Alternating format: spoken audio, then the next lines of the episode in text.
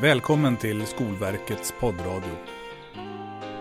Tema Motverka rasism och främlingsfientlighet.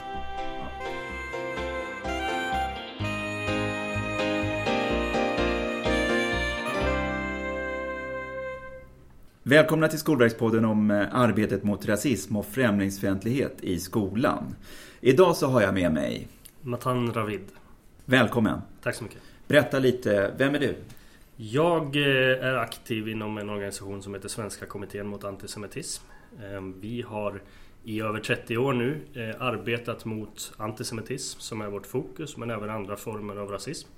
Jag är inte lärare, jag är inte utbildad lärare så det jag säger idag är i all ödmjukhet. Eh, jag vill påpeka det att jag är ingen expert. Men jag har kommit i kontakt med många ungdomar och jag har upplevt en del saker i de här diskussionerna och jag har lite saker som jag gärna delar med mig av. Välkommen till Skolverkspodden. Tack så mycket. Mm. Jo, rasism och främlingsfientlighet det är ju oförenligt med skolans värdegrund. Och I läroplanerna så står det att eh, uttryck av rasism och främlingsfientlighet ska mötas med kunskap, öppen diskussion och aktiva insatser. Och I de här poddarna så har vi jobbat så att vi utgår från ett konkret scenario. Och eh, podden idag ska handla om förintelseförnekande och antisemitism. Och det konkreta scenariot idag är som följer.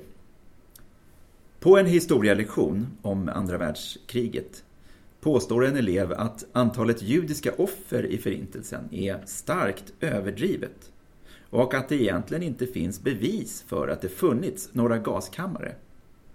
En elev säger det är judarna som överdriver och spelar offer men egentligen så är det de som har, har all makt i världen. De gör ju samma sak nu i Palestina. Och efter det här uttalandet så uppstår det en diskussion i klassen. Och eh, läraren står ju där och ska hantera situationen. Ja, visst, ja. ja. Va, vad säger du, eh, Matan, om, om det här scenariot? Är det relevant? Ja, tyvärr. Jag skulle nog säga att det är väldigt relevant. Jag har själv ett, ett antal gånger utsatts för en liknande situation, ett liknande dilemma. Jag vet att många av de lärare som vi kommer i kontakt med på SKMA uttrycker att de har hamnat i sådana här situationer också. Så det är ett högst relevant eh, scenario helt klart. Och jag tycker också att det är ett väldigt intressant scenario som ni har valt ut. Eh, som man också eh, kan prata mycket kring. För det innehåller en massa olika föreställningar och tankar och idéer. Eh, och det första som slog mig när jag läste det här det var det som vi kanske kommer att återkomma till sen också. Eh, vikten av att en lärare som ställs i en sån här situation eh, sitter på vissa grundläggande kunskaper. För om man benar ut det som sägs här så är det väldigt många saker. Vi har förintelseförnekelse. Det finns en tydlig kollektivisering. Man pratar till exempel om att judarna överdriver. Det finns också en ganska gammal anklagelse, en antydan till en gammal anklagelse om, om judisk offermentalitet.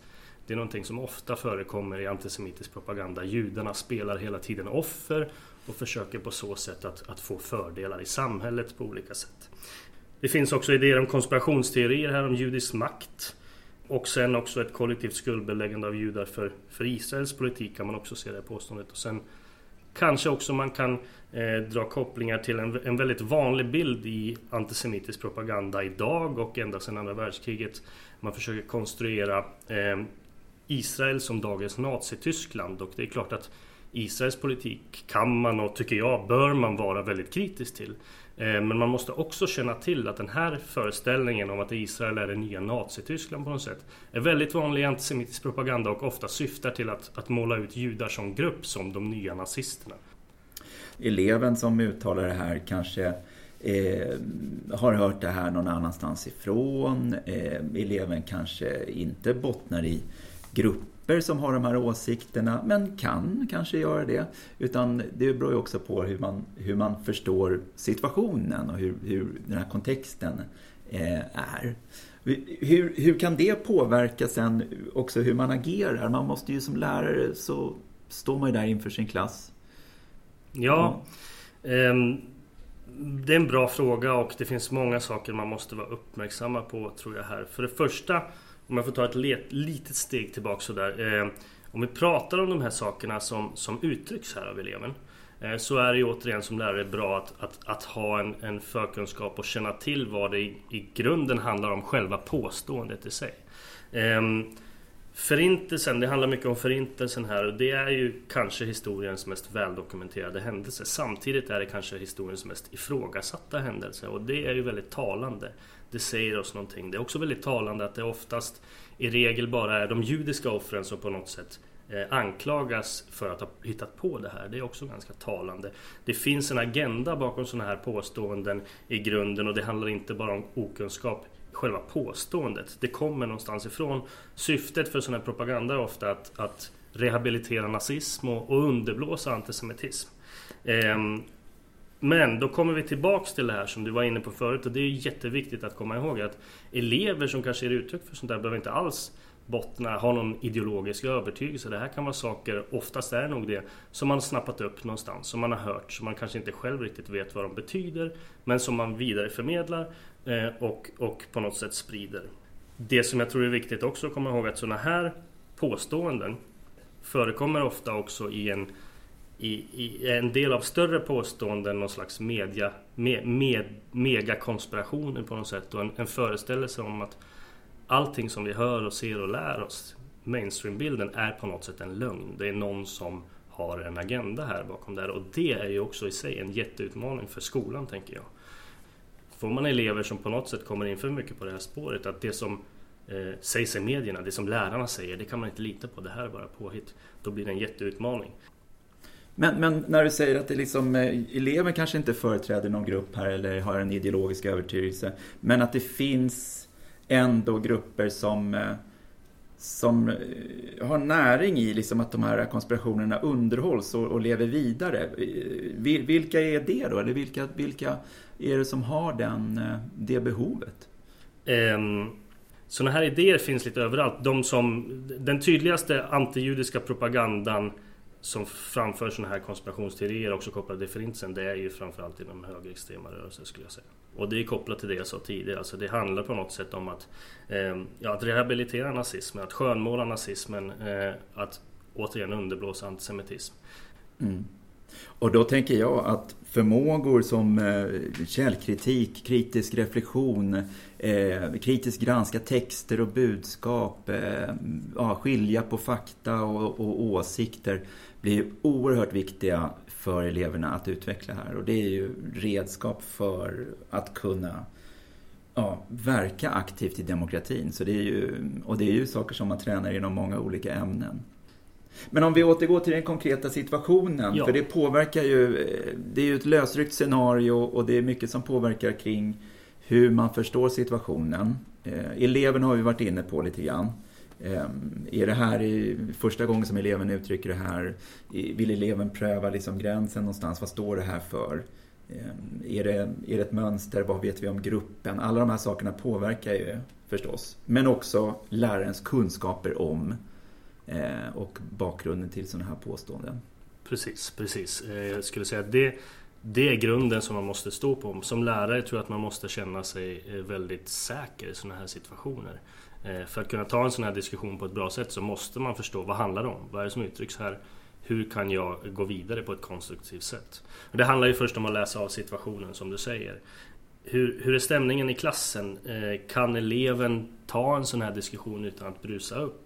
Är det här, återigen, mönster tror jag är viktigt också. Är det här första gången som eleven uttrycker det här eller inte? För det kan också vara ganska talande. Känner man som lärare att man inte kan ta det här eh, direkt till någonting konstruktivt, då kan det ibland kanske nästan vara bäst att man försöker bryta på något sätt och kommer överens tillsammans tror jag med klassen att det här ska vi ta upp vid ett senare tillfälle. Och inte minst för att lärarna också ska få tid att, att själv kunna lägga upp en tydlig plan. För det här är svåra frågor alltså. Och för att kunna ta det här på ett bra sätt så måste man ha en bra strategi. Och sen också en möjlighet kanske att, att ta den här eleven eller om det är några elever åt sidan och, och först kanske få en ännu bättre bild av vad, vad grundar det här sig i liksom. Om man försöker bena ut hur kommer det sig att det här har påståtts i klassrummet? Vad säger eleven själv? Och sen i nästa steg så tar man upp det med en tydlig eh, plan. Det är ju ett scenario där man, om man kanske inte känner att man är helt, eh, helt trygg med att, att gå in direkt i den här diskussionen. Jag försöker själv och det försöker vi från kommittén göra så mycket som det går. att ändå använda situationen för att, att vända den till någonting konstruktivt om det går. hur, finns... hur gör man då? Det man inte får göra det är att man, man får inte bara låta det gå eh, obemärkt förbi så att säga. Det är det sämsta man kan göra. Antingen måste man på något sätt bryta det här eller försöka få fram en konstruktiv eh, diskussion. Jag tror att det är väldigt viktigt med vissa grundläggande saker. Alltså som lärare, pedagog, ledare måste man vara väldigt lugn och sansad. Eh, alltid försöka hålla eh, diskussionen på, på en lugn och sansad nivå. Jätteviktigt att inte peka ut eleven, dumförklara eleven på något sätt, håna eleven för det blir bara kontraproduktivt. Eh, om eleven känner att han eller hon är utsatt i en sån här situation, då, då kommer man ingen vart. Sen är det också så, vi har pratat lite om det här, de här föreställningarna, de här påståendena grundar sig i föreställningar som är Det är påhitt, det är fantasier, det är konspirationsteorier. De är liksom orimliga. Det är orimliga långtgående slutsatser och påståenden och de kräver också orimliga och långtgående slutsatser eh, för att förklaras. Eh, det betyder att eleven här har ju en jätteuppgift för, framför sig. Och det måste man komma ihåg som lärare. Ska den här eleven försöka bevisa inom citationstecken det som han eller hon påstår så är det en jätteresa. Därför tror jag hela tiden att man måste skicka över bollen till eleven. Och det gör man genom att först ge tid att lyssna, för det är viktigt. Eleven måste veta och känna att han eller hon får tid att uttrycka det som de, han eller hon vill uttrycka. Men också att hela tiden utmana med frågor. Och det kan vara ganska enkla frågor tror jag. Eh, hur menar du där? Kan du utveckla det där? Okej, okay. om du säger så, vad får det för konsekvenser? Vad landar vi i då? Var har du hört det här? Vad finns det för källor på det? Man hela tiden försöker bena ut, var kommer det här ifrån? Och i den bästa av världar om man har ett klimat som är bra i klassen så kan man hamna i en situation där man tillsammans, och det är viktigt också, tillsammans som grupp med eleverna, med eleven eh, landar i att ja men vänta här nu, det här var lite ologiskt ändå, det hänger inte riktigt ihop. Och om man också helst hamnar i det här att det som sägs här är också väldigt generaliserande och, och kränkande. Eh, det är där man måste hamna någonstans. Eh, eh, ska, det måste vara vi som tillsammans kommer fram till någonting, det tror jag är jätteviktigt. Att man är på samma lag. Ja, men precis. Ja. Och eh, en annan möjlighet som, som är i linje, tänker jag, med det som du beskriver, Matan, det är också att försöka bredda diskussionen. Så här. Det är kollektivisering av en grupp här och generaliseringar. Finns det andra grupper som man kollektiviserar i samhället och generaliserar kring? Eh, gör vi det här i våra klassrum? Eh, ibland för att vi behöver förenkla, men till vilket pris? Alltså, där kan man föra ett mm. resonemang för att, att bredda diskussionen. Eh, och också jämföra då eh, fördelarna med, absolut inte likställa eller jämföra i, i värde så, men jämföra i företeelser, olika former av intolerans. Att man kan jämföra eh, antisemitism, islamofobi, antiziganism eller olika former av rasistiska uttryck. Också för att bredda diskussionen. Eh, men eh, som du säger, viktigaste är ju i ett tillitsfullt klimat, att upprätthålla en, en, en dialog med den här eleven men också få med övriga gruppen.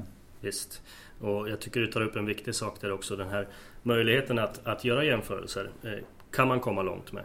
Eh, när vi pratar med lärare och elever så tycker vi alltid att det är viktigt att poängtera också att skillnader och likheter är lika viktiga att känna till. Eh, vi började att prata med just det här specifika dilemmat och det som påstås. Och för att kunna bearbeta det här, för att kunna ta den här diskussionen på ett bra sätt så måste man ha detaljkunskaper om just antisemitiska konspirationsteorier och förintelseförnekelse. Och det finns likheter men de eh, skiljer sig på många sätt eh, från det som påstås om andra grupper. Och det är viktigt att komma ihåg. Samtidigt är det eh, eh, ett bra verktyg och ett redskap att kunna ha, att plocka upp det här, att, att visa på likheter. Eh, också kanske visa på likheter över tid. Alltså om man tittar på propaganda mot olika grupper genom historien så kan man få fram det här mönstret som jag tror är väldigt bra och effektivt när man pratar med eleverna. Man visar att men hörni, titta här. Det här som ni ser på nätet idag till exempel på olika sidor, det är ingenting nytt. Det har funnits väldigt länge och man ser inte minst att genom hela historien så är det samma grupper som pekas ut hela tiden. Och när man gör en sån där historisk exposé så hittar man ofta väldigt ologiska saker väldigt enkelt. Så det tror jag, jag tror att du är inne på en viktig poäng där. Ja, när vi har pratat om eh, scenariot och hur man kan förstå sin situation och vad som påverkar hur man agerar som lärare så är det ju också så att det är intressant att tänka sig hur det här förhåller sig då till det här med kunskaper, öppen diskussion och aktiva insatser som är läroplanens skrivningar. Och det är ju läroplanen både för grundskola och gymnasieskola. Kunskap, eh, att läraren har kunskap om, om den här eh, formen formerna av rasism eh, och att också eleverna tillsammans med läraren utvecklar kunskaper. Där tycker jag, där är vi ju hemma, det är ju såklart. Vi har också talat en hel del om att, att ha en öppen diskussion och vad det kräver och hur man förstår sin grupp och, och sådär. Så att den öppna diskussionen och att hålla en dialog levande och inte liksom trycka till. Där, där har vi också rört oss, tycker jag. Precis, det är nog centralt tror jag. Ja. Även aktiva insatser, beroende på hur man tolkar det. Eh, där hörde jag ju dig säga att det är viktigt att man eh, markerar. Eh, kanske för att någon upplever kränkande behandling eller för att det faktiskt är eh, fel rent faktiskt. Eh, men att man då, beroende på hur man tolkar väljer hur man går vidare. Så att jag tycker att det, med kunskap, öppen diskussion och aktiva insatser så har vi berört det alla, alla tre dem i, när vi har talat om det här scenariot. Och när jag tänker på det här dilemmat som vi har utgått ifrån så handlar det ju, det verkar vara en, en ladd, det kan vara en laddad situation. Eh, här är en person som uttrycker någonting som är generaliserande, kränkande eh, baserat på konspirationsteorier och sådär. För att liksom få en, en enkel ingång in till ämnet så kan man hamna eh, eller använda sig gärna av, av humor och, och, och eh, enkla exempel till att börja med. Ett exempel som jag tycker är jättebra eh, som jag har använt mig av mig själv det är en, en dokumentär eller en en, en fiktiv dokumentär som heter Konspiration 58. Och här så i den här dokumentären då så påstår man att fotbolls-VM 1958 inte har spelats i Sverige. Det har aldrig ägt rum här i Sverige. Om man använder sådana ingångar så blir det lite roligt men, men samtidigt så förstår eleverna ofta väldigt snabbt att oj, men här, det här hänger inte ihop. Här är någon som försöker luras. Och sen kan man sakta närma sig de här kontroversiella ämnena och visa på likheter där också. Att Titta här, det är uppbyggt ungefär likadant. Det finns ett mönster här. Och det är någon som försöker luras liksom. Ja, men humor tror jag kan vara en bra ingång. Och attraktionskraften i konspirationsteorierna, den, den finns ju där.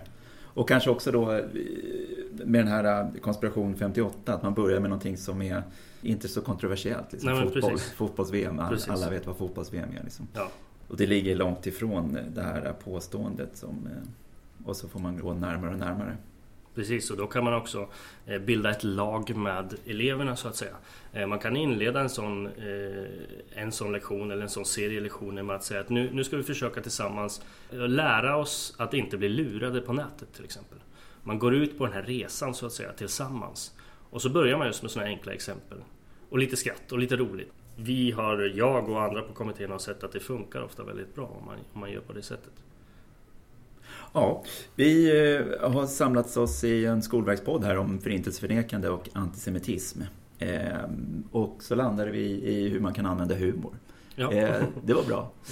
Eh, stort tack för ditt deltagande. Tack så mycket för att jag fick komma. Tack. Tack för att du har lyssnat.